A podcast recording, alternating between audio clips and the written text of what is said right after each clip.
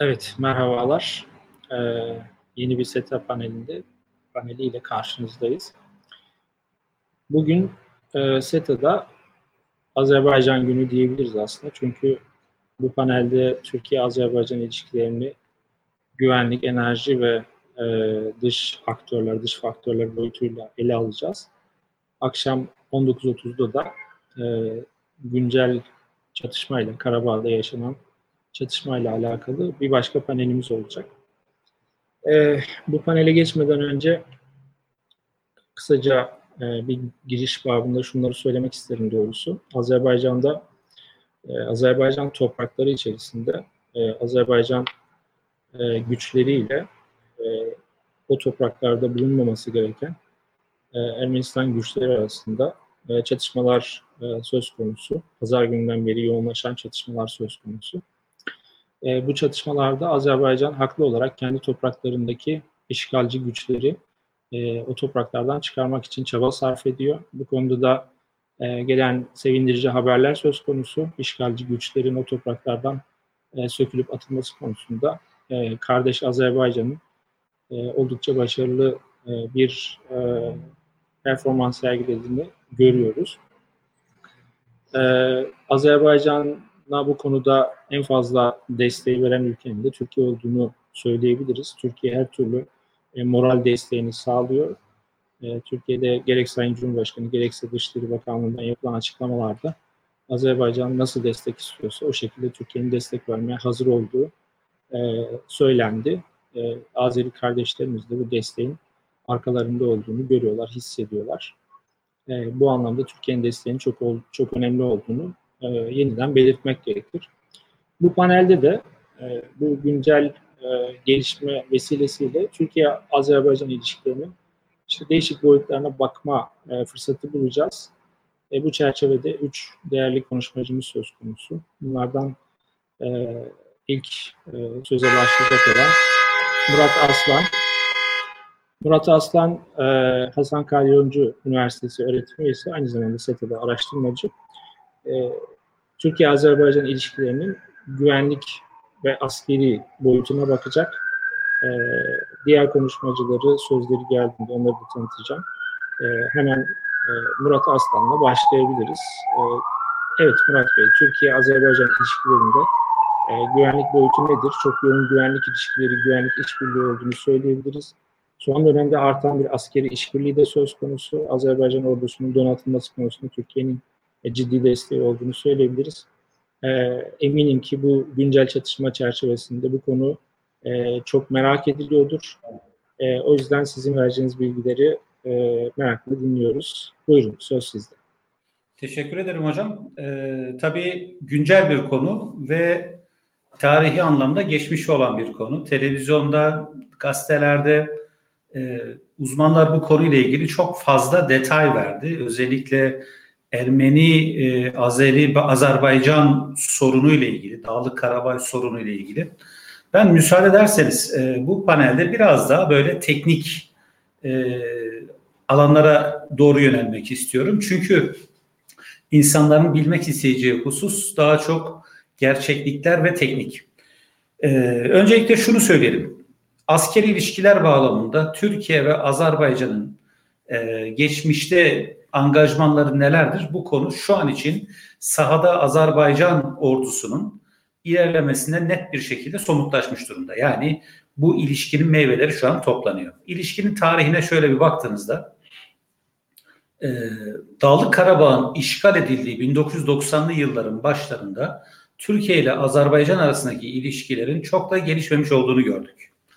Nitekim o dönemlerde Türkiye'nin e, çok farklı coğrafyalarda angaja olmak zorunda olduğu ancak gerek ekonomik yetersizlikler gerekse yurt içerisindeki terör tehdidi nedeniyle ilgi gösteremediği sorunlar vardı ve bu Dağlık Karabağ işgali de o döneme denk gelir. Çünkü o dönem içerisinde bir yandan Balkanlarda Bosna problemi var. Ee, bir taraftan 1990 e, yılında yapılmış olan Körfez Harekatı'nın artçıl etkileri hissediliyor. Bu çerçevede Irak'ta çekiç güç harekatı onun e, sonucu olarak bölgede gerginlikler var. Öbür taraftan e, terör örgütünün çok e, acımasız saldırıları var. Özellikle Türkiye'nin güneydoğusunda. Ve bir taraftan Çeçenistan meselesi devam ederken bir taraftan da bu Dağlık Karabağ meselesiyle Türkiye o dönemde yüzleşti. Öte yandan Türkiye'nin e, o dönem siyasi anlamda bir yine dönüşüm içerisinde olduğunu görüyoruz. Koalisyon hükümeti var. E, Demirel'in Cumhurbaşkanı olduğu döneme denk geliyor o yıllar. Dolayısıyla e, Türkiye'deki ekonomik ve siyasi ortamda Türkiye'yi çevreleyen alandaki gelişmeler Türkiye'yi tahdit eden unsurlardı. İşte bu dönemde Türkiye Azerbaycan'a e, o dönemin koşulları altında e, çok büyük bir yardımda bulunamadı. İşin aslı bu. Nitekim e, Nahçıvan'a yönelik Ermeni saldırganlığını hatırlamak gerekir. E, çünkü o dönemde Ermenistan Nahçıvan'ın Türkiye ile hududu olan o küçük bölgeye yönelik bir saldırı icra etti. Bu konu Türkiye ile Ermenistan arasında büyük bir e, krize yol açtı ve nihayetinde Türkiye'nin Amerika Birleşik Devletleri nezdinde yaptığı girişimler, Rusya nezdinde yaptığı girişimler Ermenilerin o bölgeden çekilmesini ama ne olursa olsun Ermenistan içerisinde yer alan Nahçıvan'da değil e, Kerki bölgesinin Ermeniler tarafından e, işgal edilme işgal statüsünün devamını ön plana çıkarttı. Bu ne demektir? Şu an bir Türkiye e, o dönemlerde Azerbaycan'a yeterli desteği maalesef verememişti bu farklı dinamikler çerçevesinde. Ki o dönemde askeri anlamda Türkiye'de dışa bağımlı. Örnek vermek gerekirse Türkiye terörle mücadelesini yürütürken Amerika Birleşik Devletleri'nden temin etmiş olduğu mühimmatı kullanıyor. Almanya'dan temin etmiş olduğu top ve tank mühimmatını kullanıyor. Ee, o dönemde kendi milli anlamda üretmekte olduğu mühimmatın ham maddesini Balkanlardan elde etmeye çalışıyor. Dolayısıyla Türkiye zaten ancak kendi başının çaresine bakacak bir durumdaydı. Ancak o dönemden sonra artık yavaş yavaş e, özellikle 2000'li yılların başından itibaren durum değişti. Neden? Türkiye kendi milli sanayisini, milli savunma sanayisini geliştirirken bir taraftan da e, Azerbaycan'la ikili askeri etkileşim içerisine girdi. Bu etkileşimin iki boyutu var. Birincisi Azerbaycan Silahlı Kuvvetleri'nin gerek Türkiye'de gerekse Azerbaycan'da eğitilmesidir. İkincisi Azerbaycan Silahlı Kuvvetleri'nin Türk Milli Savunma Sanayi ürünlerini kendi envanterine dahil etmesidir. Ee, şimdi bu ilk başlık bence çok önemli. Yani sadece envantere yoğunlaşıyor herkes. işte insansız hava araçlarına veya diğer silah sistemlerine. Ancak bence ilk boyut daha önemli. Neden? O döneme kadar Azerbaycan Silahlı Kuvvetleri Rus doktrini uygulayarak eğitim yapıyor idi. Türkiye ile beraber Azerbaycan Silahlı Kuvvetleri NATO doktrinine geçiş yaptı. Türk Silahlı Kuvvetleri'nin uygulamakta olduğu doktrini kendi bünyesine kattı. Doktrin çok önemli bir boyuttur. Doktrinin boyutunu hani e, anlamak açısından şöyle bir e, önermede de bulunabiliriz. Doktrin sizin kullanacağınız silah, araç ve gereçlerin ne olacağını da belirler. Ayrıca silah, araç ve gereç bağlamında eğer herhangi bir yere bağımlılığınız varsa o bağımlı olduğunuz yerin doktrinini kullanmanız gerekir. İşte e, bu nedenle e, Türk Silahlı Kuvvetleri ve Azerbaycan'ın Türk Silahlı Kuvvetleri'nin uyguladığı doktrin üzerinden hareket etmesi aynı zamanda e, Türkiye'nin milli savunma sanayi ürünlerinin Azerbaycan'a e, gönderilmesinde kolaylaştırıcı bir etki olmuştur.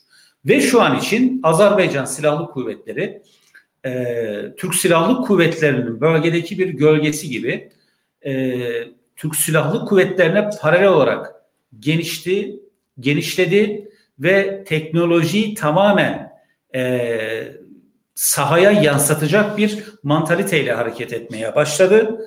Ve bu gerçeklik bize e, bu uzun dönemli sorunda Azerbaycan Silahlı Kuvvetleri'nin bir saldırı sonrasında aynı gün mukabil harekat başlatma yeteneği olduğunu işte geçtiğimiz hafta içerisinde hatırlattı. Şimdi bu konu da önemlidir. Neden önemlidir? Çünkü herhangi bir ülkeye bir saldırı meydana geldiğinde saldırıya anlık olarak karşılık vermek bir tarafa sizin bir seferberlik sisteminizi aktif etmek e, etmeniz gerekir. Eğer geniş çaplı bir harekat icra edecekseniz. E, aksi takdirde e, mevcut olan hudut temas hattı unsurlarıyla bir harekat başlattığınızda çok e, derin geriye hasmın sarkamazsınız. İşte e, bu hafta içerisinde yapılan saldırı neticesinde e, Azerbaycan Silahlı Kuvvetleri'nin e, daha önce yapmış olduğu planlar istikametinde seferberlik sistemini başlatmaya paralel mevcut hazır ve muharip güçlerinin e, her türlü elaski e, tercihler dahilinde ileri harekat başlatabileceğini gördük. Ve bu çerçevede iki ana istikametten Azerbaycan Silahlı Kuvvetleri Dağlık Karabağ ve işgal edilmiş diğer Azerbaycan topraklarına e, girdi. Bunlardan bir tanesi ülkenin kuzeyindeki Moral Dağı bölgesidir. İkincisi ülkenin güneyinde e, Fuzuli ve İsmail istikametidir. Şu ana kadar Azerbaycan Silahlı Kuvvetleri her iki istikamette başarıyla ileri harekatını devam ettiriyor. Öte yandan e, arada kalan ve temas önceki temas hattını oluşturan kısımlarda Azerbaycan Silahlı Kuvvetleri'nin e, Ermeni ordusunu daha çok tespit etme e, niyetinde olduğunu gördük. Şu ana kadar Fuzuli'nin ele geçirilip e, şu an için devam eden İsmail ileri harekatıyla birlikte Azerbaycan Silahlı Kuvvetleri'nin doğrudan Dağlık Karabağ merkezi istikametinde bir manevra yapmaya ki aslında literatürde bu manevranın adı çevrimi harekatıdır. E, gayret ettiğini görüyoruz. Peki ne olur? E, burada araziyi de devreye sokarak bir değerlendirme yapmak lazım askeri anlamda. Dağlık Karabağ'ın merkezi kısımları gerçekten e, ormanlık ve çetin arazi koşullarına sahip.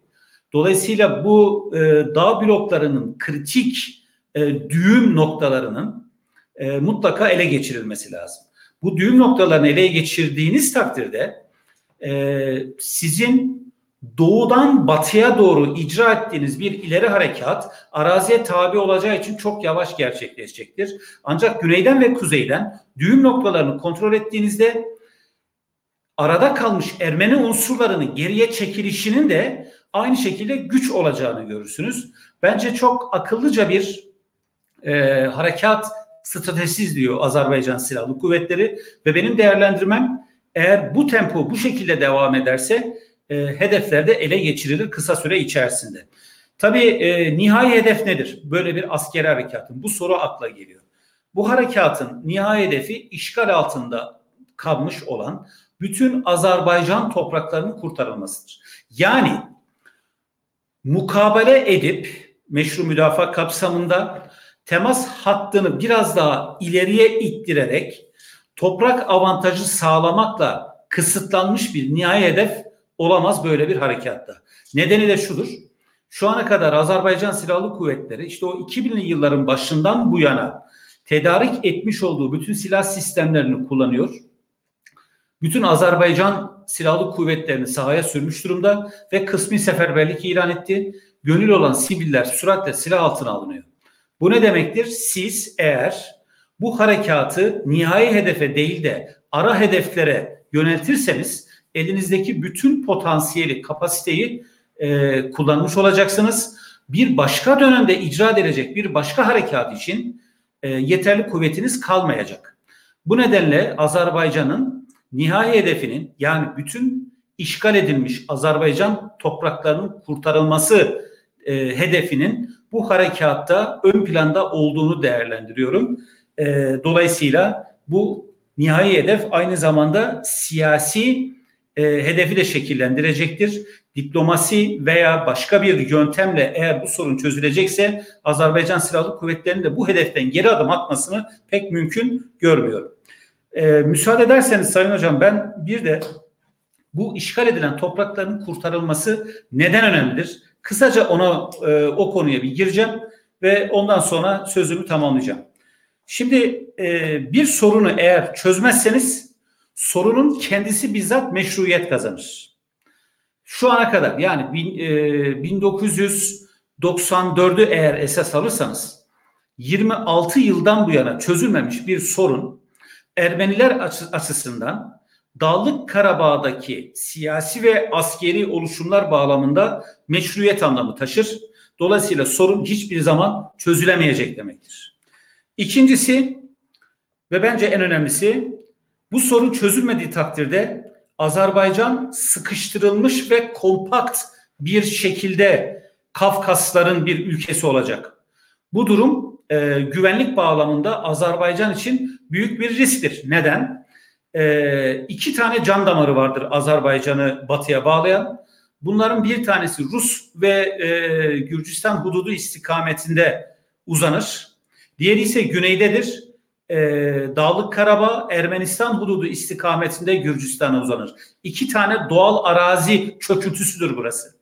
Eğer bu bölge tehdit altında olursa ki Temmuz ayında yapılan e, Tuvuz saldırılarında bu tehdidin boyutunu gördük. O takdirde Azerbaycan'ın her an e, dünyadan izole olma riski olduğu düşünülebilir. E, dolayısıyla sıkıştırılmış bir Azerbaycan'ın dünya ile ilişiği kesildiğinde herhangi bir ekonomik geliri olmayan tamamen Rusya'ya bağımlı bir ülke olacağını şimdiden ifade etmek gerekir. Bir diğer boyut e, toplumsal güvenlik bağlamında. Şimdi bu kadar yani 1 milyon civarında göç almış bir Azerbaycan'ın 26 yıl geçmiş olmasına rağmen bu göç etmiş insanları ülke içerisinde eritmesi pek mümkün değil. Yani bu insanlar yeni iş, yeni hayat kurmuş olsalar da nihayetinde bölgenin ekonomisi hasebiyle asli topraklarındaki önceki gelir kaynaklarına muhtaç. Dolayısıyla e, Dağlık Karabağ'ın e, ele geçirilememesi veya bu konuya bir çözüm bulunamaması e, toplumsal güvenlik bağlamında Azerbaycan için bir e, tehdittir, risktir. Bu toplumsal güvenlik aynı zamanda ülkedeki siyasi güvenliği de etkiler. Çünkü 1 milyon kişi demek ülkenin nüfusunun 8'de biri demektir göçmen statüsünde ve Azerbaycan halkının ekseriyeti değil hemen hemen tamamı Dağlık Karabağ'ın kurtarılması istikametinde bir irade beyan ediyor. Aliyev'in siyaseten böyle bir irade beyanına karşı çıkması veya diplomasiyle frenlemesi pek mümkün değil. Böyle bir e, eğilim de Aliyev'in kendi iktidarına yönelik farklı dinamikleri hareketlendirecektir ülke içerisinde. Dolayısıyla toplumsal güvenlik yanında ülkedeki siyaset güvenliğinin de dikkate alınması lazım. Bir diğer husus e, Rus nüfuzu ki biraz sonra hocalarım açıklayacaktır. En önemli boyutlardan bir tanesi e, Azerbaycan'ın daha önce yapılmış olan Rus teklifinde gazını Rusya üzerinden Novrovisk limanı aracılığıyla dünyaya pazarlanması telkin edilmiştir Ruslar tarafından. Ancak bu reddedilmişti. Eğer şu anki riskler dikkate alınırsa Rusların aynı argümanları ileri sürmesi mümkün görünüyor. Ve son olarak e, ben Dağlık Karabağ meselesini Hazar güvenliğine bağlıyorum. Kafkas güvenliğine bağlıyorum ve İran'ın toplumsal bağlamında bütünlüğüne yönelik e, bir girdi olarak düşünüyorum. Çünkü İran 90'lı yıllarda özellikle Güney Azerbaycan'daki e, vatandaşları nedeniyle Ermenileri desteklemişti. Bu son saldırıda askeri malzemelerin Ermenistan'a nakledilmesi hususunda hududunu kullandırdı. Ancak Güney Azerbaycanlılar e, tepki gösterdiğinde bu durumu kontrol altına almaya çalıştı. Dolayısıyla Azerbaycan meselesini aynı zamanda daha geniş anlamda bölgesel güvenlik bağlamında ele almak gerektiğini düşünüyorum. Muhtemelen sürem doldu hocam. Ben e, tekrar sözü size bırakıyorum. Teşekkür ediyorum. Tam da aslında sizin bıraktığınız yerden e, sıradaki konuşmacı Mustafa Caner. E, Mustafa Caner'in aslında konuşacağı, anlatacağı konular bunlar. E, İran'ın bölgeye yönelik politikası nedir? Rusya'nın bölgeye yönelik politikası nedir? Azerbaycan'da Ermenistan arasındaki sorunlar konusunda bu iki ülkenin oynadığı rol nedir? Ve Türkiye-Azerbaycan ilişkileri konusuna e, konusunda bu iki ülkenin e, oynadığı rolün etkisi nedir? E, bu konuları anlatacak kendisi bize. Teşekkür ederim hocam. Evet, buyurun. E, ben e, uluslararası siyaset bağlamında meseleyi değerlendirmek e, arzusundayım. Burada e, ele alacağım önemli aktörlerin başında tabii sizin de bahsettiğiniz üzere İran geliyor. E, İran'ın yanında e, mutlaka tabii ki yani ondan belki daha etkili oyun kurma anlamında daha etkili aktör Rusya'dan bahsetmek lazım. Ve tabii ki Türkiye'den bahsetmek lazım. Elbette e, şu an için çatışmanın tarafları Azerbaycan ve Ermenistan olsa da bu üç e, ülkeyi e, denklemin içine dahil etmeden yapacağımız analizler eksik olacaktır ve e, bundan sonra yaşanacak gelişmeleri anlamak açısından da e, önemli ipuçlarından bizi mahrum bırakacaktır diye düşünüyorum.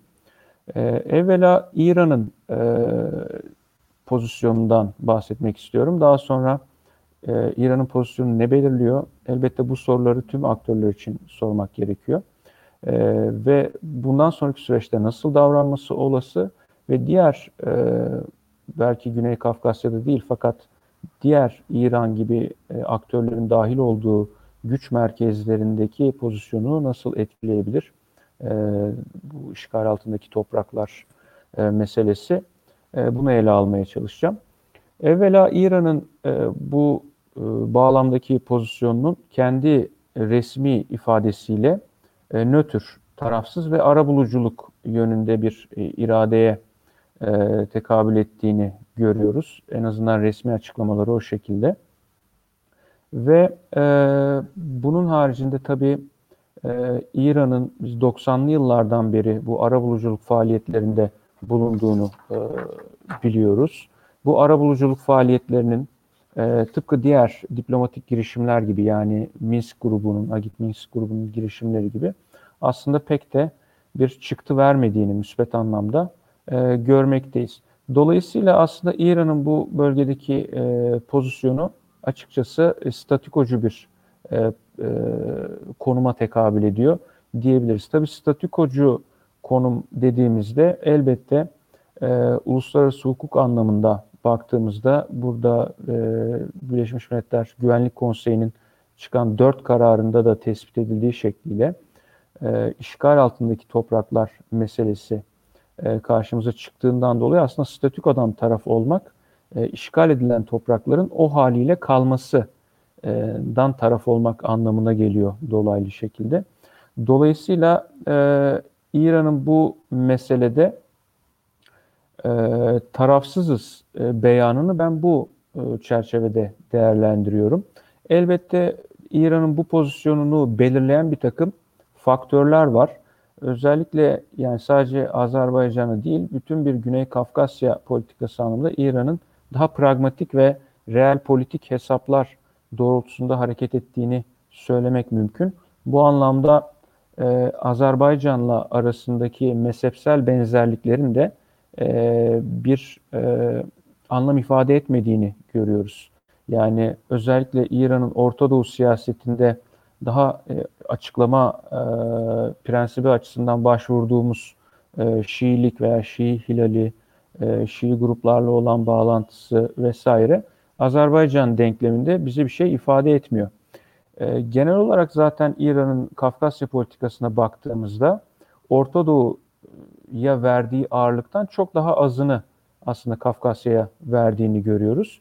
Tabi bu durumun da sebepleri var. Öncelikle e, Kafkasya bölgesine güç yetirebilecek durumda değil. Yani e, ABD'nin baskısı, yaptılar vesaire e, İran'ın bir başka cephede daha e, güç oluşturmaya çalışması, güç biriktirmeye çalışmasını engelliyor.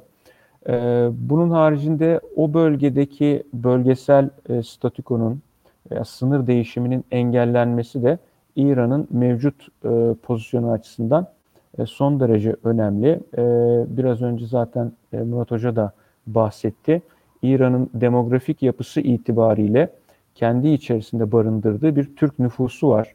Ve bu nüfus kimi rakamlara baktığımızda işte 30 milyon, 35 milyon, 40 milyon olduğunu söyleyenler de var.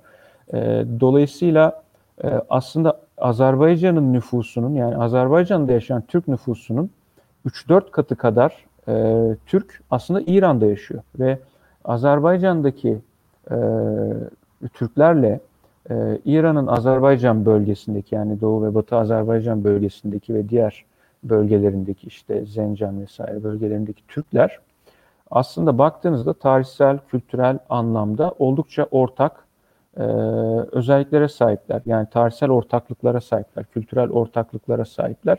Elbette bu durum yani bir takım etnik hassasiyetleri e, bir tehdit e, algısı perspektifinde baktığında e, Tahran yönetiminin çok da tabii ki hoşuna gitmeyecektir ve e, dolayısıyla buradan kaynaklanan da bir e, güvenlik algısı var Tahran'ın. O yüzden e, Azerbaycan'a olan yaklaşımı biraz daha e, mesafeli, daha ihtiyatlı bir yaklaşım. E, bunun haricinde İran'ın e, Azerbaycan yaklaşımını belirleyen tabii ki bir de Türkiye faktörü var. Bu da çok önemli. Çünkü Azerbaycan-Türkiye arasındaki ittifakın yaratabileceği o bölgedeki yeni güç dengeleri e, İran için yine e, çok da arzu edilmeyen bir e, durum olarak karşımıza çıkıyor. E, son olarak yani çok da uzatmak istemiyorum e, İran'ın Azerbaycan politikasını diğer aktörlere geçeceğim birazdan. Fakat son olarak e, belki şunu da söylemek lazım. İran'ın bu bölgede dış güçleri sınırlandırma temayülünde olduğunu da yani her ne kadar elbette Rusya ile bir birliktelik halinde gözükse de işte Suriye'de bu bölgede ABD'nin olduğu kadar aslında Rusya'nın da nüfuzunu çok arttırması taraftarı değil İran. E, dolayısıyla burada e, İran'ın pozisyonu daha çok işler olduğu gibi kalsın şeklinde gibi duruyor. Elbette bu son çatışmalarda yani Ermenistan saldırısına karşı Azerbaycan'ın e, direnişinde e, İran'ın ilk etapta yine Murat Hoca'nın bahsettiği gibi bir takım sınır geçişlerine yani Rus ekipmanlarının e, işte Nordus e, İran'la Ermenistan arasındaki Nordus sınır kapısından geçişlerine e, bir müddet izin verdiği hatta buna ek olarak e, İran hava sahasının da çeşitli kargo uçakları için e, kullanımına açıldığı şeklinde e, bir takım iddialar vardı ve tabii bu iddialar bir takım görüntülerle de desteklendi. E, fakat daha sonra biraz önce bahsettiğim o demografik özelliklerinden ötürü bir takım etnik hassasiyetlerden ötürü yani daha da somut bir şekilde söylemek gerekirse bunu e, İran'ın çeşitli vilayetlerinde ortaya çıkan toplumsal e, huzursuzluk yani İran'ın Ermenistan'a destek olduğu e, resmi ortaya çıktıktan sonra İran'ın kendi içerisindeki Türk nüfusunun e, tepkisi e, İran hükümetini e, adımlarını daha kontrollü atma yönünde e, bir noktaya doğru sevk etti ve e, işte e, dini lider Hamaney'in e, bazı vilayet temsilcileri, işte Doğu Azerbaycan, Batı Azerbaycan, Ermin, e, Erdebil ve e, Zencan temsilcileri bir ortak açıklama yaparak e, Karabağ'ın İslam toprağı olduğunu e, söylediler. Yine benzer bir takım açıklamalar e, yani Ermenistan'la olan savaşta ölen e, Türklerin şehit olduğu şeklinde bir takım benzer açıklamalar geldi İran tarafından. E, Dışişleri Bakanlığı ilk etapta tarafsızlık açıklamasında bulundu. Fakat daha sonra hükümet sözcüsü e, Ali Rebi e, İran'ın Azerbaycan toprak bütünlüğünü savunduğunu ve bu noktadaki pozisyonun net olduğunu söyledi. Fakat dediğim gibi bu açıklamaları biz birkaç gün sonra duyduk. Belki İran'ın çok daha üst makamlardan çok daha net açıklamalar yapması gerekiyor. Hem kendi kamuoyunu hem e, uluslararası kamuoyunu durduğu pozisyon konusunda ikna etmesi için. Bunun dışında Ermenistan'a yaklaşımına bakacak olursak e, İran'ın bu noktada da e, bildiğiniz gibi Ermenistan bölgenin e, güçsüz e, devletlerinden bir tanesi. Yani hem askeri anlamda hem e, ekonomik anlamda. Fakat tabii ki e, Rusya ile olan birlikteliği de Ermenistan'a olan bakışını İran'ın e, belirliyor. Bunun dışında e, Ermeni diasporasının yani e, 100 bin civarında e, yurt dışında yaşayan, e, işte İran'da yaşayan e, Ermenilerin hatta bunun dışında Amerika'daki, Kanada'daki Ermenilerin İran'ın e, ABD yaptırımlarının da etkisiyle e, yaşamış olduğu bunalımlardan bir çıkış aracı olarak görüldüğünü de söylememiz lazım. Yani Ermeni diasporası marifetiyle İran kendisine bir rahat e, alan açmaya çalışıyor, bir ferahlık bulmaya çalışıyor. Elbette bu önemli. Bunun dışında tabii ki bir takım enerji anlaşmaları, ulaşım, enerji, gıda yönünde yapılan anlaşmalar var e, İran ve Ermenistan arasında. Özellikle e, son dönemde bir takım elektrik santrallerinin bu anlamda açıldığını e, biliyoruz. E, bunun dışında e, Ermenistan'a bakışı tabii ki Azerbaycan'a bakışıyla birlikte e, şekilleniyor. Yani bazı noktalarda o güvenlik algısı devreye girdiği zaman İran'ın farklı adımlar attığını görebiliyoruz. Örneğin 90'ların başındaki Nahçıvan saldırısında Türkiye ile birlikte İran'da ciddi şekilde Ermenistan'a e, tepki göstermişti. Çünkü bölgedeki e, sınır değişimi çok İran'ın tekrar etmek gerekirse çıkarına gibi görünmüyor. Rusya'ya baktığımızda ise Rusya'nın elbette Sovyetler sonrasında bölgedeki nüfuzunu koruma çabasının en etkin e, motivasyon kaynaklarından biri olduğunu görmek mümkün. Bu anlamda Ermenistan'la Azerbaycan'ı kıyasladığımızda elbette Azerbaycan'ın potansiyeli çok daha yüksek. Yani hidrokarbon e, kaynakları açısından çok daha yüksek. E, dolayısıyla burada aslında Rusya için zayıf bir e, Azerbaycan kadar zayıf bir Ermenistan'ın da olması önemli. Dolayısıyla e, Ermenistan üzerinden biraz Azerbaycan'ı e, Azerbaycan'ın kuvvetini budamaya, terbiye etmeye çalıştığını söyleyebiliriz. Tabii Ermenistan'la olan Rusya'nın ilişkisi çok daha sıkı, çok daha yakın ilişkilere sahip. Yani bir güvenlik paktı var e, aralarında imzalanmış. Ortak askeri birlikleri var. E, Ermenistan içerisinde Rus Rusya'nın birçok e, askeri unsuru var, üsleri bulunuyor. Dolayısıyla Ermenistan'la Rusya arasındaki ilişkiler oldukça yakın ilişkiler. Fakat e, bu son olaylarda e, Rusya'nın e, belki çok daha ağır bir şekilde bastırmasını engelleyen bir takım faktörler var. Bir tanesi şu anda Belarus'ta yaşanan kriz. Bir, yandan Belarus kriziyle meşgul olurken bir yandan da çokça kaynağını aslında buradaki Dağlık Karabağ meselesindeki krize ayırmak istemediğini düşünebiliriz.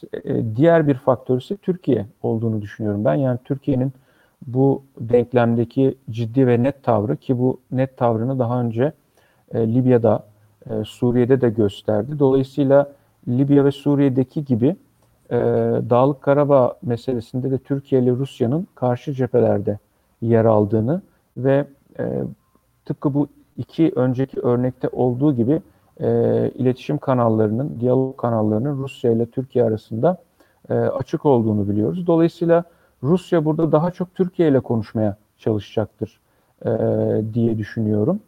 E, bunun haricinde Türkiye'ye gelecek olursak son olarak Türkiye'nin e, Suriye'deki, e, Doğu Akdeniz'deki, Libya'daki tutumu, e, o bölgelerdeki e, başarısını ele alacak olursak, Dağlık Karabağ meselesi aslında bu bölgelerde Rusya ile olan e, şeyinin e, karşı karşıya gelmesinin diyelim bir uzantısı olarak da anlaşılabilir.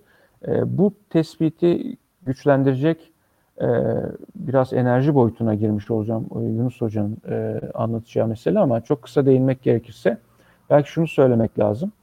E, son aylarda, son bir yılda e, Türkiye'nin Azerbaycan'dan aldığı gaz miktarını ciddi şekilde arttırdığını e, görüyoruz.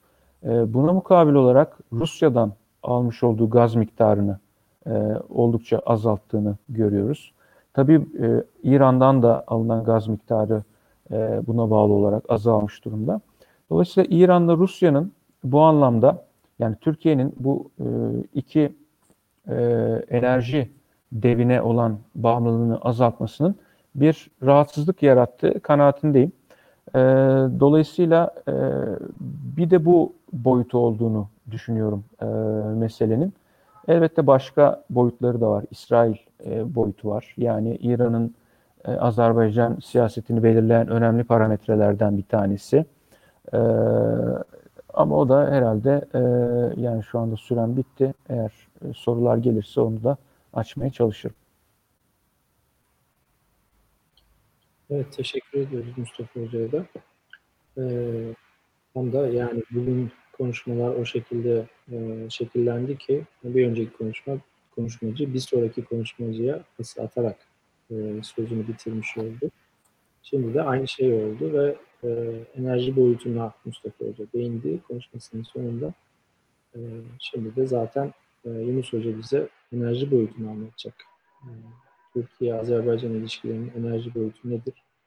Enerji konusunda iki ülke arasında özellikle son dönemde e, ciddi şekilde artan bir e, işbirliği söz konusu. E, evet belki Bakü Ceyhan boru hattı oldukça eski bir e, boru hattı ama son zamanda son zamanlarda özellikle doğal gaz alanında e, yeni işbirlikleri, yeni projeler söz konusu. E, Azerbaycan'ın Türkiye'deki yatırımlarının da arttığını görüyoruz. E, bu boyutuna bakmanın da çok faydalı olacağını e, düşünüyoruz gerçekten. Çünkü e, daha önce konuşmacıların söylediği gibi aslında son yaşanan gelişmelerde de e, mutlaka bu enerji işbirliğinin Türkiye ile Azerbaycan arasındaki enerji işbirliğinin tabii söz konusu. Yunus Hoca buyur. Teşekkür ediyorum. Ee, tabii e, Azerbaycan-Türkiye arasındaki enerji işbirliğini konuşmamız e, e, son derece önemli olduğunu düşünüyorum. Çünkü e, Azerbaycan'ın aslında enerji aktörü rolünün son zamanlarda hızla arttığını ve bölgede önemli bir e, pozisyona geldiğini hep birlikte görüyoruz. Ben öncelikle Azerbaycan'ın e, enerji e, görünümüyle ilgili birkaç cümle söyledikten sonra Türkiye e, Azerbaycan arasındaki e, önemli projelere değinmek istiyorum. E, bana tanınan süre zarfında.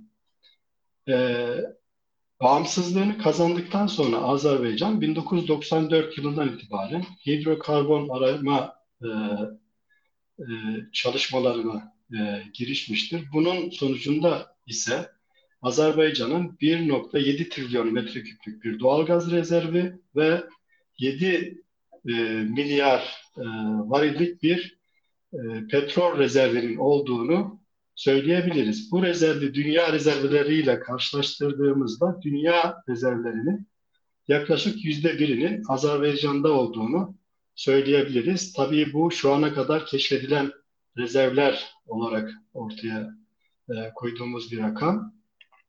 Çok yakın e, tarihlerde mesela Şah Deniz e, sahasında 1999'da önemli bir doğalgaz yatağı ve Abşeron e, havzasında ise 2011 yılında bir keşif e, gerçekleştiriliyor ve bu e, böylece Azerbaycan'ın da e, doğalgaz açısından önemli bir ülke olduğunu e, gösteriyor bu rakamlar.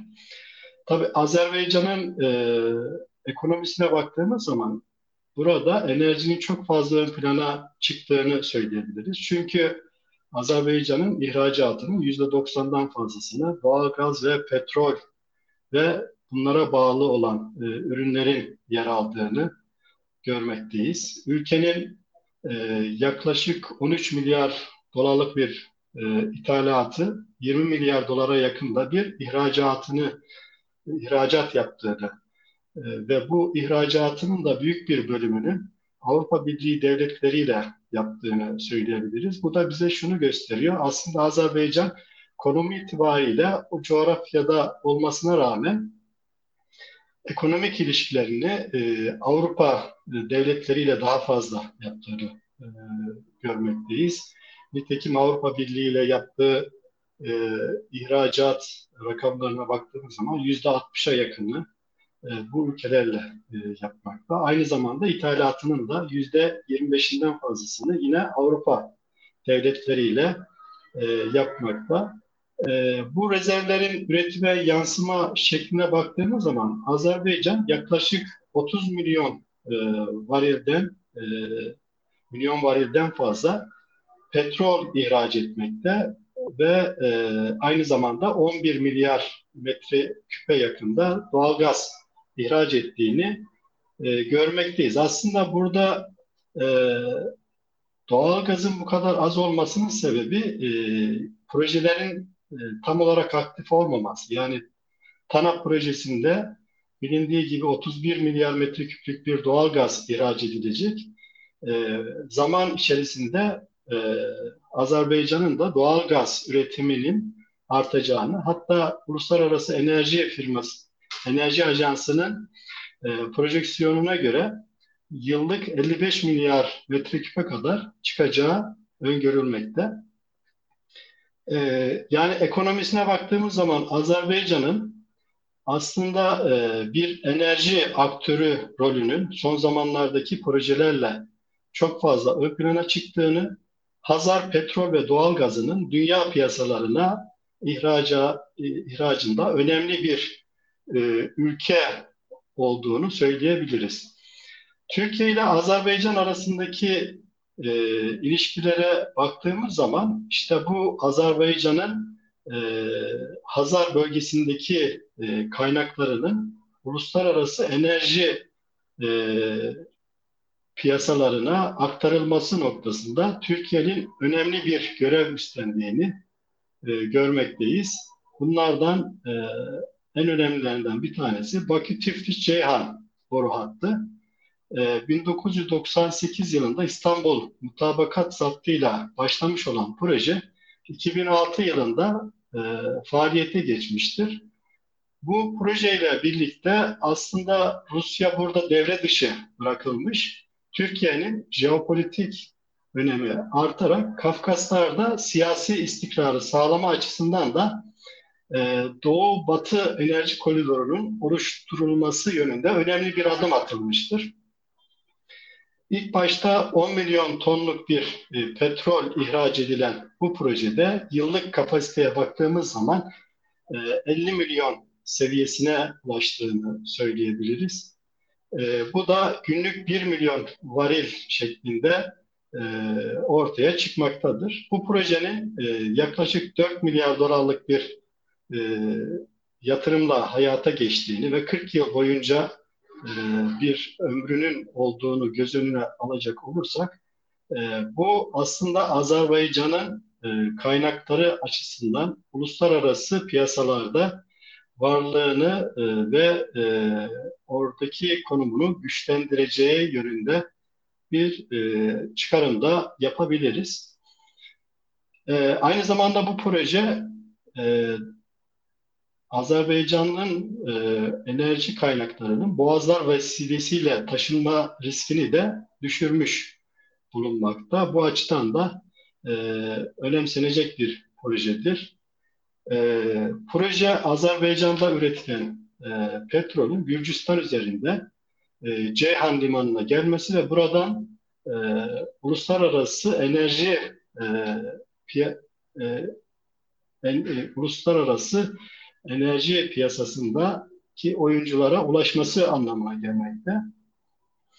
E, bu projedeki ortaklık yapısına baktığımız zaman e, BP'nin yüzde otuz, e, Azerbaycan e, enerji şirketinin yüzde 25 oranında hisse sahibi, e, pay sahibi olduğunu ve burada Türk Türkiye Petroller'in de 6 6,5 civarında bir hissesinin olduğunu görmekteyiz. Yine bu projenin önemini anlatılması açısından 2006 yılından bugüne kadar bu boru hattından yaklaşık olarak 3,5 e, milyar varilden fazla bir petrol taşınmıştır. Bunu bugünkü enerji fiyatlarıyla e, karşılaştırdığımızda bu aşağı yukarı 150 milyar dolarlık bir e, gelire tekabül etmekte. Bu da aslında Azerbaycan açısından e, oldukça önemli bir e, gelir e, olarak ortaya çıkmaktadır. Yine bu proje e, Kazakistan ve Kazakistan petrolü ile Türkmenistan pe petrolünün e, Bakü Tiflis, Ceyhan üzerinden uluslararası piyasalara ulaşması açısından da stratejik açıdan önemlidir. 2006 yılında Azerbaycan'la Kazakistan arasında yapılan anlaşmaya göre ilk etapta 3 milyon ton e, kapasitenin artırılması sonrasında ise bunun 20 milyon tona kadar çıkarılması öngörülmekte. E, bu proje şu açıdan da önemlidir. E, benden önceki konuşmacı arkadaşlar bahsetti Rusya ve İran etkilerini Azerbaycan üzerinden. Aslında bu projeye Rusya ve İran e, uzun süre bir e, baskı yaparak karşı çıkmaya çalıştı. Ama e, Türkiye'nin de desteğiyle uluslararası enerji firmalarının da e, etkin rol alması neticesinde bu proje hayata geçmiş bulunmakta. E, diğer bir proje olarak Bakü Tiflis Erzurum doğalgaz e, boru hattı bulunmakta. Bu boru hattıyla Türkiye e, enerjide İran ve Rusya'ya olan bağımlılığını önemli miktarlarda düşürmüştür. E, yıllık 6 milyar metreküpten daha fazla doğal gazı Türkiye e, bu projeyle almakta ve e, iş tüketiminde kullanılmak, kullanılmaktadır bu e, doğal gaz. Son zamanlarda e, özellikle Mustafa Hoca'nın da bahsettiği gibi e, Türkiye aslında e, çok fazla Rusya'ya ve İran'a bağımlıyken son zamanlarda daha fazla Azerbaycan'dan doğalgaz almaya başladı. Hatta Temmuz ayı e, rakamlarına göre Azerbaycan e, %35'lik e, oranda birinci sıraya yerleşti. E, Haziran ayında da ilk sırada yer almaktaydı. E, bu anlamda e, Azerbaycan'ın e, doğal gazı aslında Türkiye'nin enerji güvenliğini e, arttırmıştır, ülke çeşitliliğini arttırmıştır. E, yüksek miktarlarda e, Rusya'ya olan bağımlılığını da azaltmıştır diyebiliriz. Tabii Türkiye-Azerbaycan ilişkilerini konuşuyorsak burada en önemli projelerden bir tanesi de TANAP. E, enerjinin İpek yolu olarak e, tarif edilen TANAP projesi e, Türkiye'yi sadece enerji tüketen bir ülke konumundan e, çıkarıp aynı zamanda e, bu enerjiyi pazarlayan önemli bir aktör haline getirmiştir. Çünkü TANAP'ın yüzde otuzluk hissesi BOTAŞ'a aittir.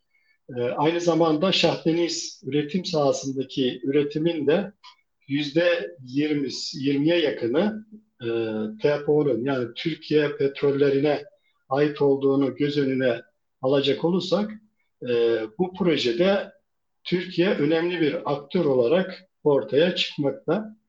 E, diğer ortaklarına baktığımız zaman TANAP'ın e, BP'nin %12 bir hissesinin olduğunu, e, Azerbaycan e, firmasının, e, enerji firmasının ise %58'lik bir payının olduğunu söyleyebiliriz. Bu projeyle birlikte aslında 2045 yılına kadar e, Türkiye hem üretim sahasında hem de transfer noktasında 40 milyar dolardan fazla bir gelir elde edeceğini söyleyebiliriz. Proje aslında e,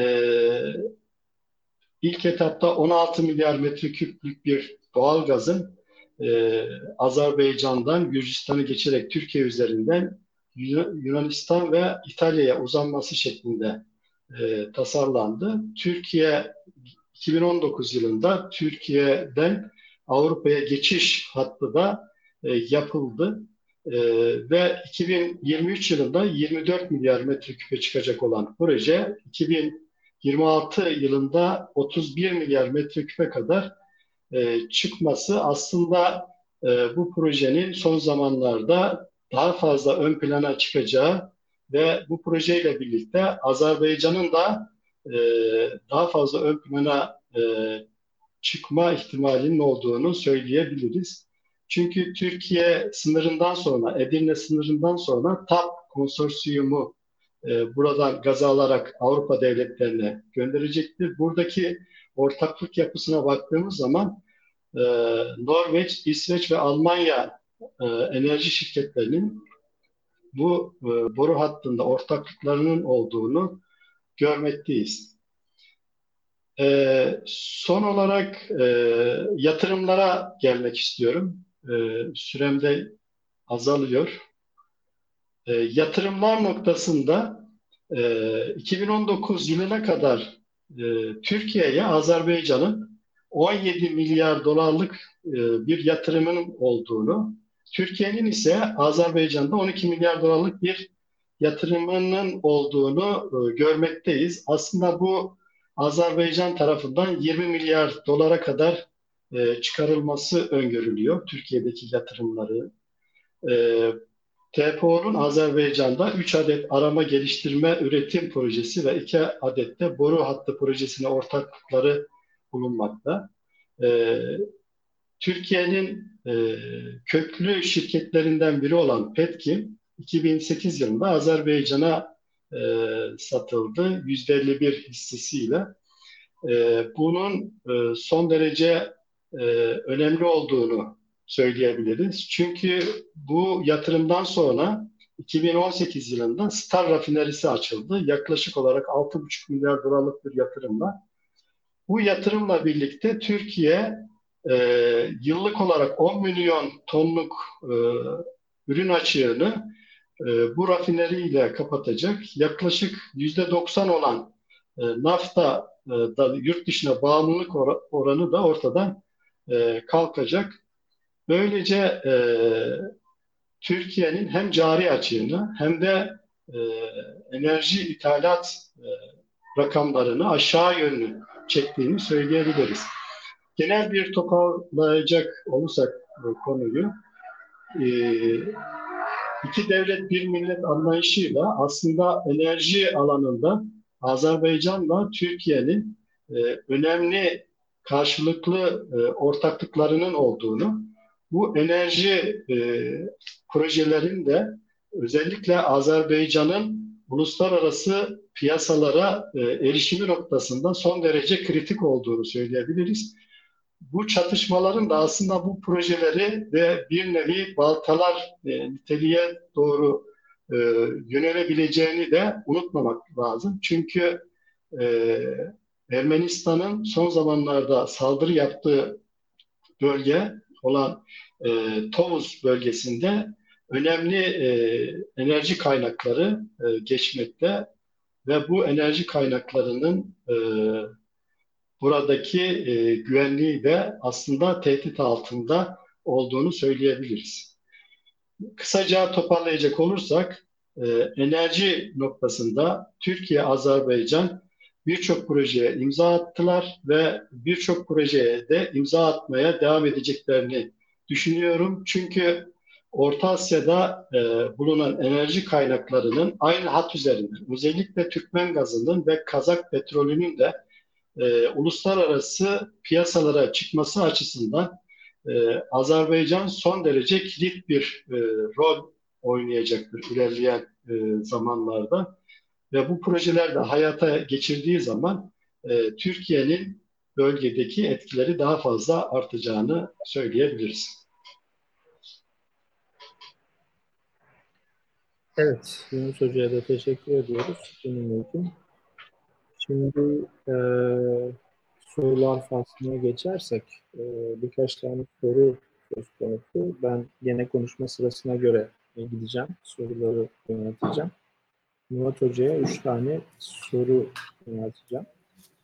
E, bunlardan bir tanesi Karabağ konusunda Ermenistan'ın nihai niyeti nedir diye bir soru söz konusu. Yani Karabağ'ın bağımsız olması mı amaçlanıyor Ermenistan tarafından belki ona destek veren aktörler tarafından?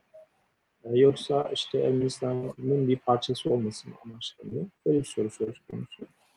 İkinci soru e, Azerbaycan daha önce neden harekete geçmedi Karabağ sorununun çözümü konusunda? E, neden Ermeni saldırısı beklendi bu konuda diye bir soru, soru söz konusu.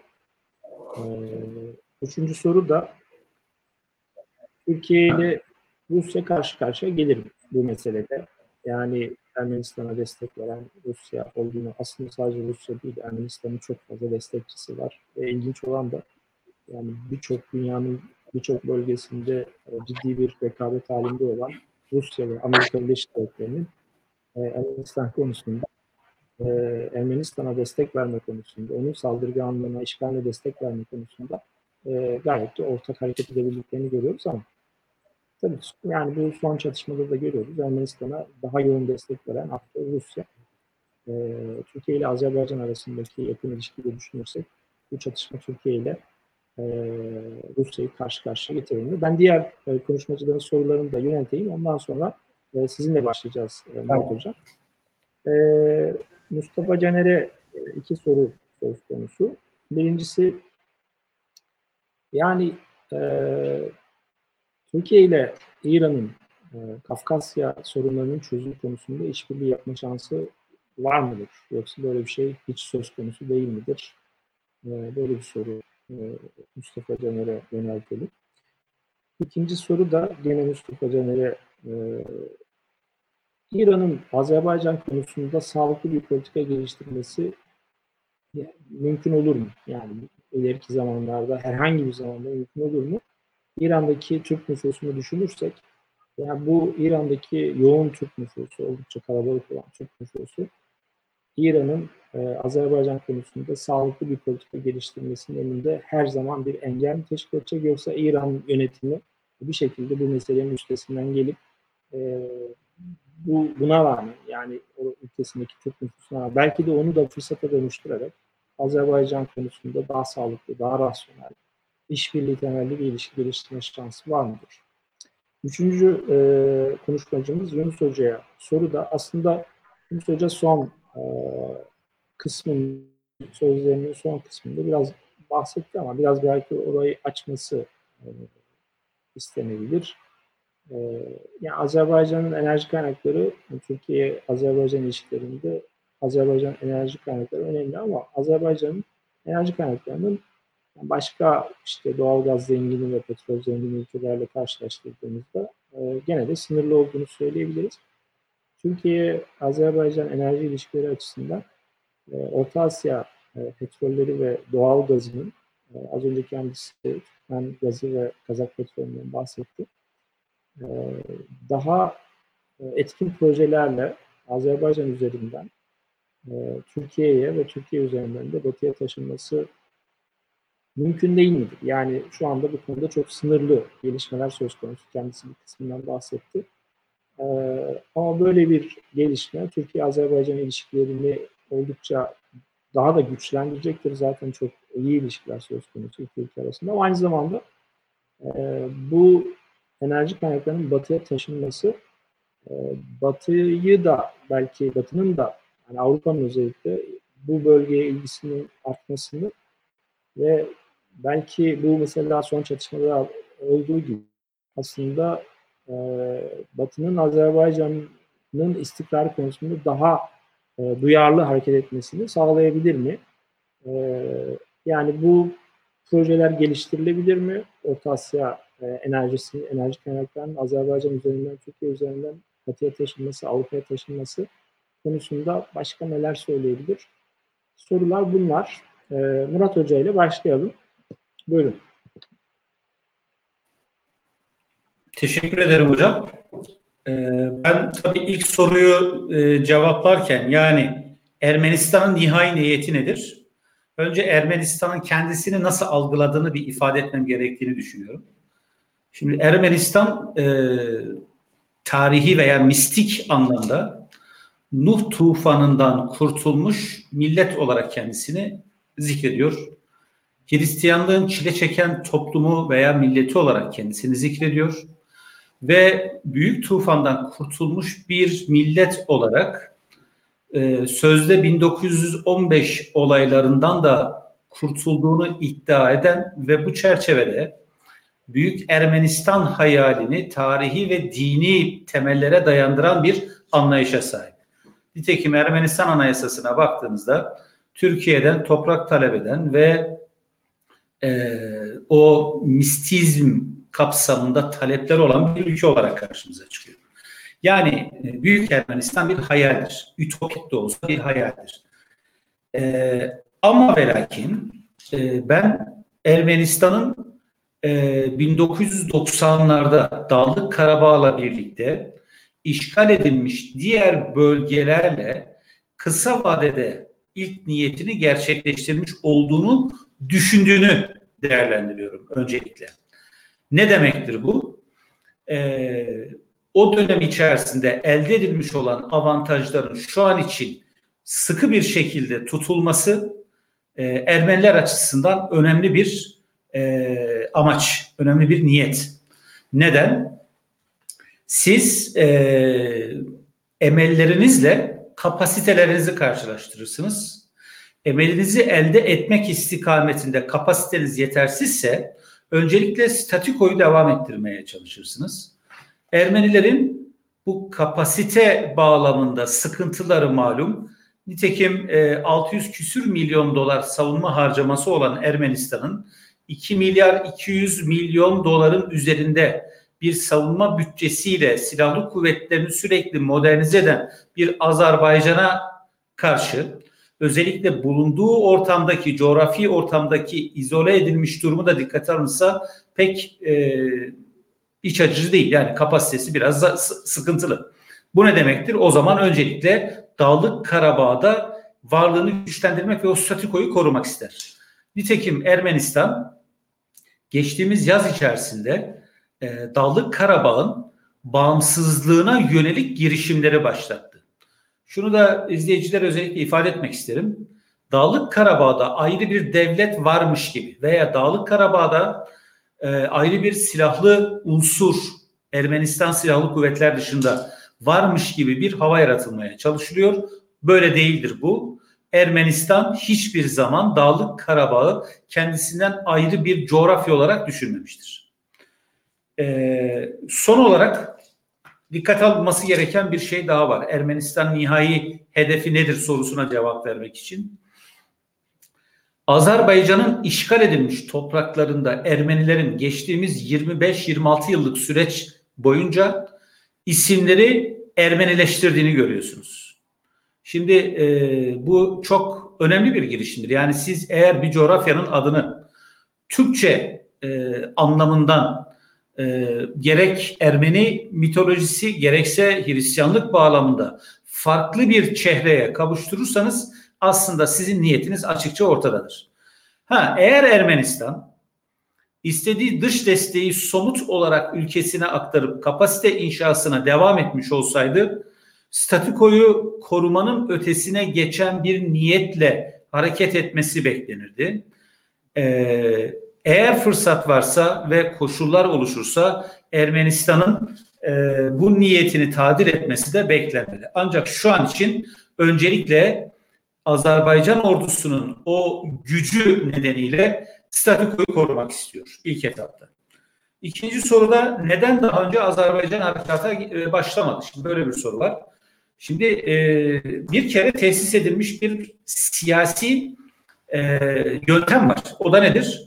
Minsk e, üçlüsünün yapacağı siyasi diyalog, gerçekleştireceği diyalog ve neticesinde siyasi bir çözüm.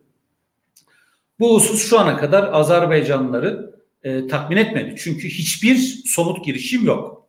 Ancak şu var, siz bir statükoyu bozup e, bir askeri harekat başlatacaksanız o statükonun neden bozulduğuna yönelik soru işaretlerine açık ve net bir şekilde cevap vermeniz lazım. Bu bir. İki, yapacağınız eylemin uluslararası hukuk sınırları dahilinde özellikle ön yargılar olan devletler nezdinde bir meşruiyeti ve haklılığı olmasını istiyorsanız o takdirde karşı tarafın yapacağı bir hatayı, bir eylemi beklemeniz lazım. Nihayetinde Ermenistan'ın e, üç gün önce geniş bir cephe boyunca ve doğrudan sivil yerleşim yerlerine hedef almış olması Azerbaycan açısından meşru savunma istikametinde geçerli bir argüman. Ayrıca neden şimdi? E şimdi Ermenistan şimdi saldırdı çünkü. Daha önce yapmış olduğu saldırılar askeri literatürde sınırlı güç kullanımı çatısı altında değerlendirilebilecek bir husustu. Yani ne yaparsınız? Bir tane top mühimmatını veya bir tane roketi bir noktaya gönderirsiniz ancak olayı uzatmazsınız. Dolayısıyla bir noktada mahdut bir saldırıyla karşı tarafa mesaj verirsiniz. E, dolayısıyla sınırlı güç kullanmış olursunuz. Ancak 3 gün önce yapılan saldırı sınırlı güç kullanmanın ötesine geçmiştir. Doğrudan siviller hedef alınmıştır. Dolayısıyla Azerbaycan açısından bir askeri harekatın başlaması için gerekli olan meşru müdafaa söylemi şu an için e, hala hazırda geçerlidir ve bu bir eğer haklı savaş kavramına girerseniz haklı savaşın uzanımıdır. Ee, tabii hocam sizin alanınız çok girmek istemem ama jus in bello, jus ad bellum. İki tane önemli kavram var. Bir silahlı çatışmayı başlatırken. Bir tanesi çatışmayı haklı bir nedenle başlatmanız lazım. Jus in bello. Öbürü de haksız duruma düşmemek adına usulüne uygun harbi icra etmeniz lazım. Jus ad bellum. Şu an Azerbaycan'ın bu iki kurala dikkat ettiğini görüyoruz. Bu nedenle bu harekat uluslararası hukukun dikte ettiği zamanda başlamıştır. Şimdi Türkiye Rusya karşıya gelir mi diye bir başka soru geldi. Türkiye ve Rusya'nın bu coğrafyada karşı karşıya gelmesi için şöyle bir haritaya alıp bakmak lazım. Bir, Rusya'nın Azerbaycan'la hududu var. İki, Nahçıvan'da iki garantör ülke vardır. Birisi Türkiye, diğeri Rusya. Yani Nahçıvan'a yapılan bir saldırıda Türkiye'nin ve Rusya'nın ayrı ayrı güç kullanma hakkı var. Hangi anlaşmalara göre? Kars ve Moskova anlaşmalarına göre. Üç, Rusya'nın Nahçıvan'a müdahale edebilecek unsurlar da Ermenistan'da. 29 farklı üste Rus askerleri Ermenistan'da konuşlanmış durumda. Bu askerlerin bir kısmı da Türk-Ermeni hududunu koruyor. O takdirde evet eğer Nahçıvan'la ilgili bir gelişme olursa Nahçıvan Türkiye ile Rusya'nın karşı karşıya gelebileceği bir alan olarak karşımıza çıkabilir. İki, bir başka dinamik kolektif güvenlik anlaşması Ermenistan Azerbaycan'ın kısmi seferberlik ilan etmesi sonrasında Rusya'dan destek talep etti. Ancak Rusya bu destek talebini geri çevirdi. Çünkü kolektif güvenlik anlaşmasına göre kendi topraklarına yapılan saldırılar için Rusya'nın yardımı öngörülüyor. Ne demektir bu? Dağlık Karabağ ve civarındaki 7 Azerbaycan ili Azerbaycan'a aittir. Nitekim Ermeni saldırısından önceki gün e, Lavrov'un 5 e, ilin Azerbaycan'a devredilmesine yönelik bir demeci var. Kime? Azerbaycan Meclis Başkanı. Şimdi Rusya'nın söylemlerine, yapmış olduğu angajmanlara baktığınızda e, Ermeni topraklarına doğrudan bir saldırı olmadığı takdirde Türkiye ile doğrudan bir e, husumet veya bir karşılaşma içerisinde olmayacağını ben değerlendiriyorum. Ancak çok kritik bir konu var. Bunu da seslendireceğim. Bu olmayacak bir hareket tarzıdır. Ancak nihayetinde bir harp cereyan ediyor şu an Azerbaycan'da. İran Ermenistan sınırında eğer çatışmalar yaşanırsa Ermeniler ve Azerbaycanlılar arasında o takdirde İran, Rusya, Amerika Birleşik Devletleri bu çatışmalara müdahil olabilir. Çünkü böyle bir senaryo Türk dünyasının Türkiye ile doğrudan e, bağlantısı anlamına gelir. Bu konunun da bu diğer devletler için önemli bir kriter olduğunu değerlendiriyorum hocam. Ee, sözlerime son verirken Amerika ile ilgili de bir hususa de, e, değineceğim. Mustafa Hocam kusura bakmasın alanına girmek istemiyorum. Amerika Birleşik Devletleri şu anki çatışmalarda aslında bir katalizör rolü oynamıştır. Çünkü Paşinyan'ın iktidara gelmesi, Amerika Birleşik Devletleri'ne müzahir bir politika takip etmesi ve bu durumun Rusya tarafından e, cezalandırılmak istenmesi ki Lavrov'un o beş Azerbaycan iline yönelik söylemi de bunun bir parçasıdır. E, doğal olarak e, Amerika Birleşik Devletleri'nin bu çatışmanın bir yerine oturtuyor. Ancak Paşinyan'ın e, son gerçekliklerden hareketle Rusya'ya tekrar yakınlaşması da bir ihtimal olarak belirdi. Ancak şunu da unutmayalım. Rusya açısından nihai hedef diye bir soru gelseydi bana şunu derdim. E, Türkiye ile karşı karşıya gelmekten ziyade işbirliği yapmak, çatışmayı belirgin bir hatta dondurtmak ve Astana sürecine paralel bir anlayışla Azerbaycan'la Ermenistan arasında bir tampon bölge oluşturup ki bu konu sürekli dillendirildi uluslararası toplum tarafından o bölgede Rus askeri varlığını yerleştirmek. Türkiye olabilir, başka bir devlet olabilir ve böylece sadece Ermenistan'da değil aynı zamanda Azerbaycan'da da Rus askerinin bulunmasını sağlamak bence Ruslar açısından nihai hedef olarak değerlendirilmeli. Çok teşekkür ediyorum. Teşekkür ediyorum Murat Hocam. Belki Mustafa Hoca'ya sözü vermeden e, bir iki ekleme yapayım Murat Hoca'nın değerlendirmelerine. E, aslında o bahsetmiş olduğu Ermenistan ve Rusya arasındaki güvenlik, e, kolektif güvenlik anlaşmasını harekete geçirmek için aslında e, Ermenistan'ın çaba sarf ettiğinin belki altını çizmek lazım. E, söylediği doğru gerçekten çok. E, Rusya e, sadece Ermeni topraklarına saldırı olursa e, devreye girebileceğini söyledi. Dolayısıyla er, e, Ermenistan toprakları dışında bu anlaşmanın geçersiz olduğunu söyledi. E, ama Ermenistan Azeri sivil bölgelerine, sivil şehirlere, köylere saldırı yaparak aslında e, Azerbaycan'ı bir tür topyekun savaşa zorluyor. Yani Azerbaycan'ın da aynı misilleme yaparak Ermenistan topraklarına belki şehirlere saldırmaya zorluyor ki e, buradaki hedefi şey olabilir. Yani e, biraz sıkıştığı için daha önceki durumlardan çok farklı olarak Azerbaycan'ın e, bu defa hazırlıklı olmasından dolayı, sıkışmış olmasından dolayı Rusya'yı daha fazla devreye sokmaya çalıştığını söyleyebiliriz herhalde. İkincisi de yani haklı savaş dediğimizde e, Murat Hoca'nın söylediklerine sadece ek olsun diye söylüyorum.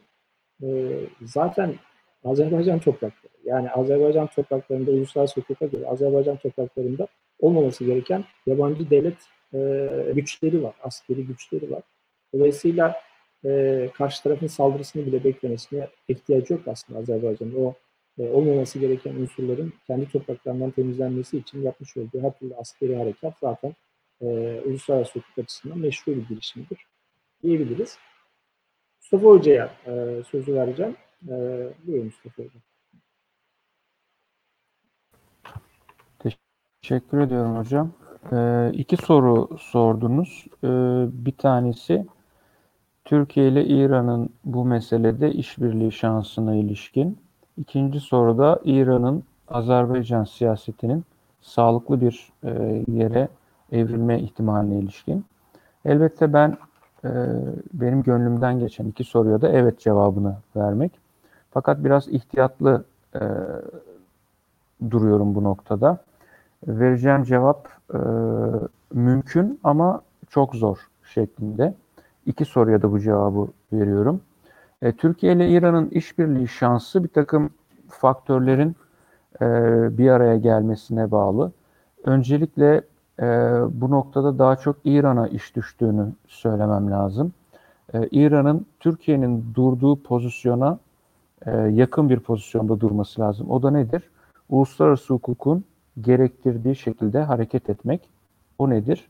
O da işgal altındaki topraklardan Ermenistan'ın çekilmesi gerektiğine ilişkin bir vaziyet almak. Yani Birleşmiş Milletler kararlarında da öngörüldüğü üzere e, o topraklar, Karabağ ve e, 7 e, ilişik toprak işgal altındadır ve bu topraklardan Ermenistan'ın derhal çekilmesi ve bu toprakları Azerbaycan'a bırakması gerekmektedir. İran, uluslararası hukukun vaaz ettiği bu gerçeği amasız fakatsız, arabuluculuk, tarafsızlık gibi e, söylemlerin arkasına sığınmadan açık bir şekilde dile getirdiği takdirde Türkiye ile bu konuda elbette işbirliği yapabileceklerini düşünüyorum. Üstelik bu işbirliğinin e, ben diğer bölgesel meselelere de yansıyabileceğini düşünüyorum. Yani ben bu konuda e, iyimserim aslında. Yani Suriye'de de aslında makul bir noktada buluşabilir Türkiye ve İran. Başka coğrafyalarda da buluşabilir. E, Türkiye İran'la her zaman konuşabilir.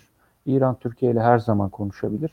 E, yüzyıllardır bu coğrafyada birlikte yaşıyoruz. Fakat dediğim gibi bazı koşulların oluşması gerekiyor. O, bu, bu noktada da İran'a daha çok iş düşüyor.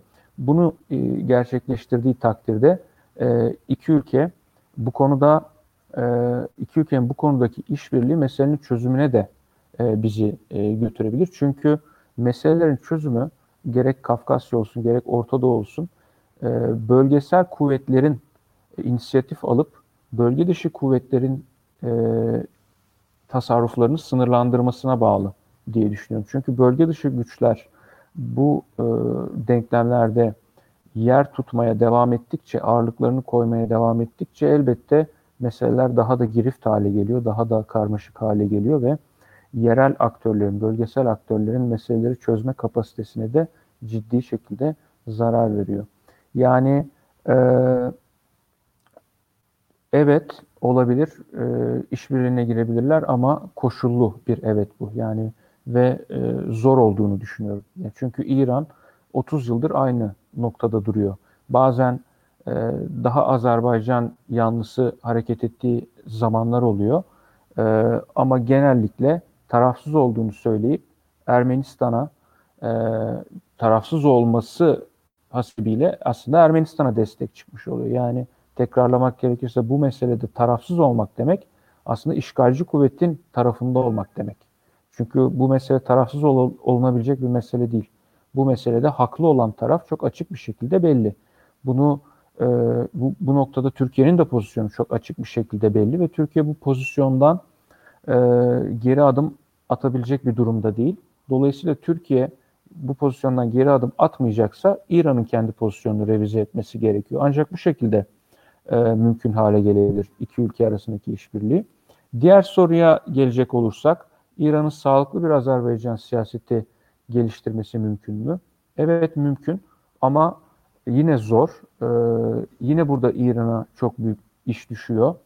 Ee, malumunuz İran Azerbaycan topraklarını, Ermenistan topraklarını ve e, Gürcistan'ın bir kısmını e, uzun yıllar yani e, 19. yüzyıla kadar yönetti.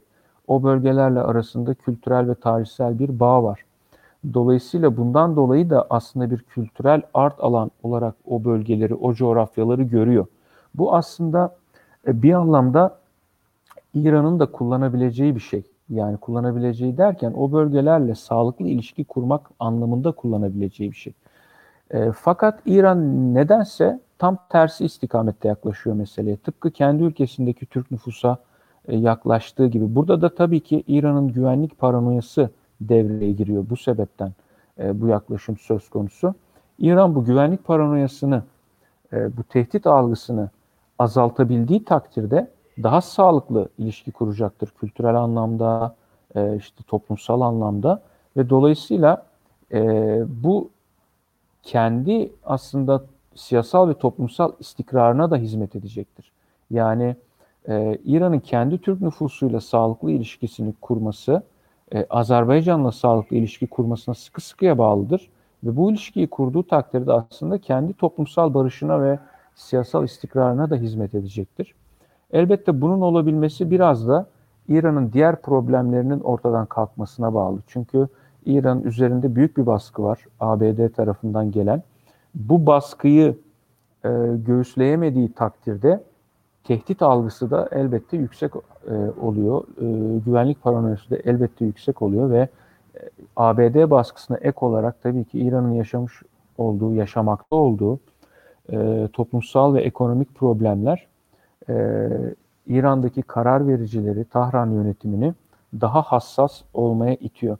Dolayısıyla e, İran'ın sağlıklı Azerbaycan siyaseti kendi ülkesindeki yapının da sağlıklı olmasına biraz bağlı.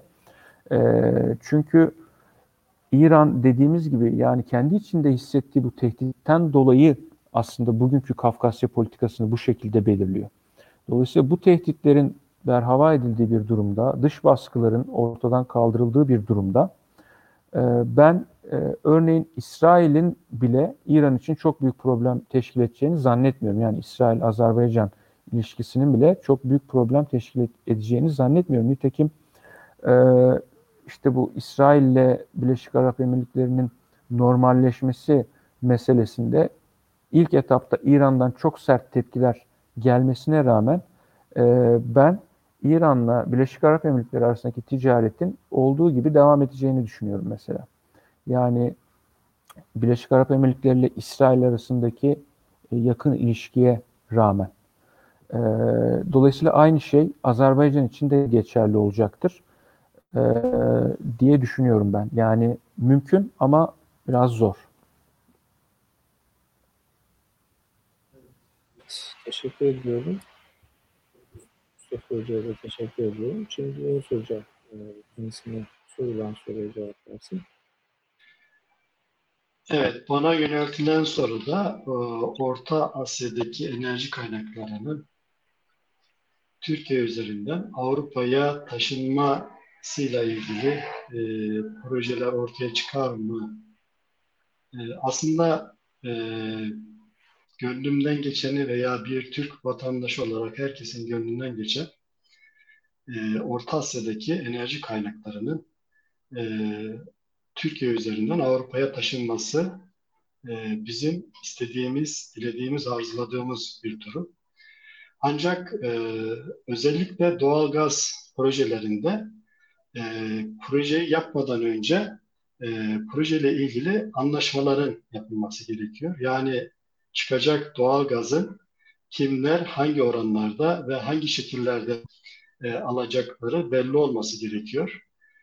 E, geçmiş tarihlere baktığımız zaman Türkiye'nin e, Nabucco projesinde ortak olduğunu ve birçok aktörün bu projede olmasına rağmen e, pürüzler çıkarak e, teknik anlamda e, ortaya e, çıkamadığını e, görmekteyiz.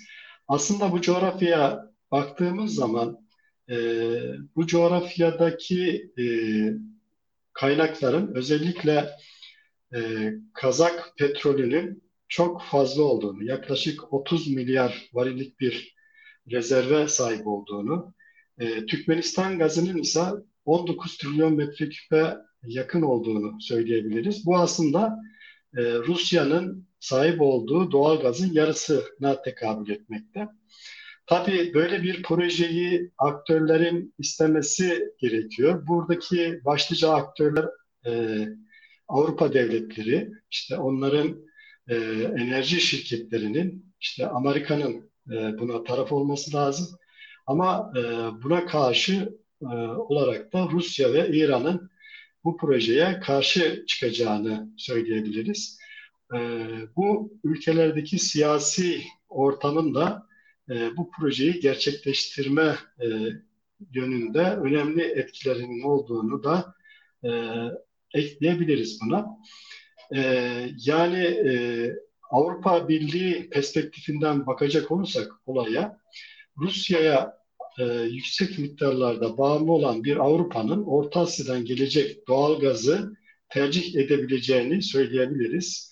Diğer taraftan Amerika'nın e, kaya gazı ve kaya petrolüyle e, doğal gazda ihracatçı konuma geçmesi ve bu doğal gazı satacak ülke araması e, sonrasında e, ortaya çıkan gelişmelere baktığımız zaman eğer e, doğal gaz ihtiyacı varsa Avrupa'nın bunu ABD'den temin etmesi noktasında e, son zamanlarda e, ABD yönetiminin çıkışlarını e, gördük.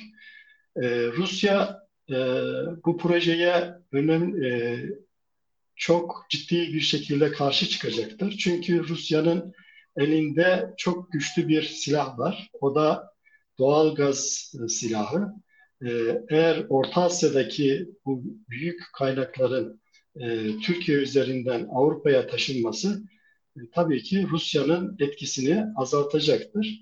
Bütün bu e, değerlendirmeleri bir araya getirecek olursak aslında bu projelerin hayata geçmesi teknik olarak mümkün ama e, aktörlerin birbirleriyle mücadelesi sonucunda e, hangi tarafa daha yakın olacağının tabii ki ilerleyen süreçlerdeki yaşanan gelişmelere bağlı olduğunu söyleyebiliriz. Yunus Hoca'ya teşekkür ediyorum. Şimdi sonradan gelen bir soru var. Belki cevapsız bırakmamak açısından. Erkan Şahin'in sorusu.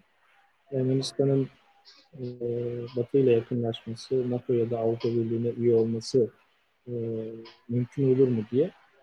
Belki çok kısa bir şekilde ben e, konuşmacılardan müsaade isteyerek e, süremiz de olduğu için ben kısa bir cevap vereyim bunu.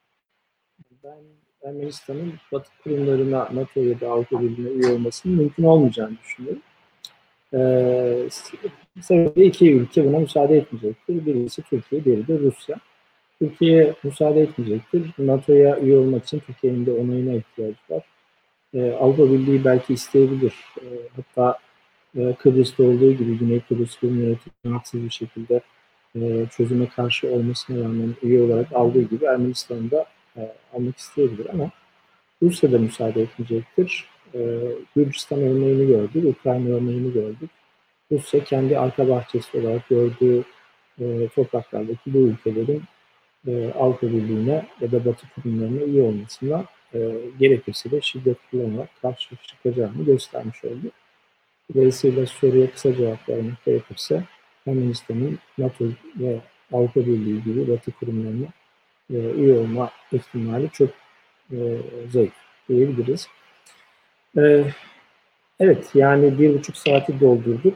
E, konuşmacı e, arkadaşlarımıza çok teşekkür ediyorum konuşmaları için, verdikleri bilgiler için. E, Murat Aslan, Yunus Fırıncı ve Mustafa Caner çok teşekkür ediyoruz katıldığınız için.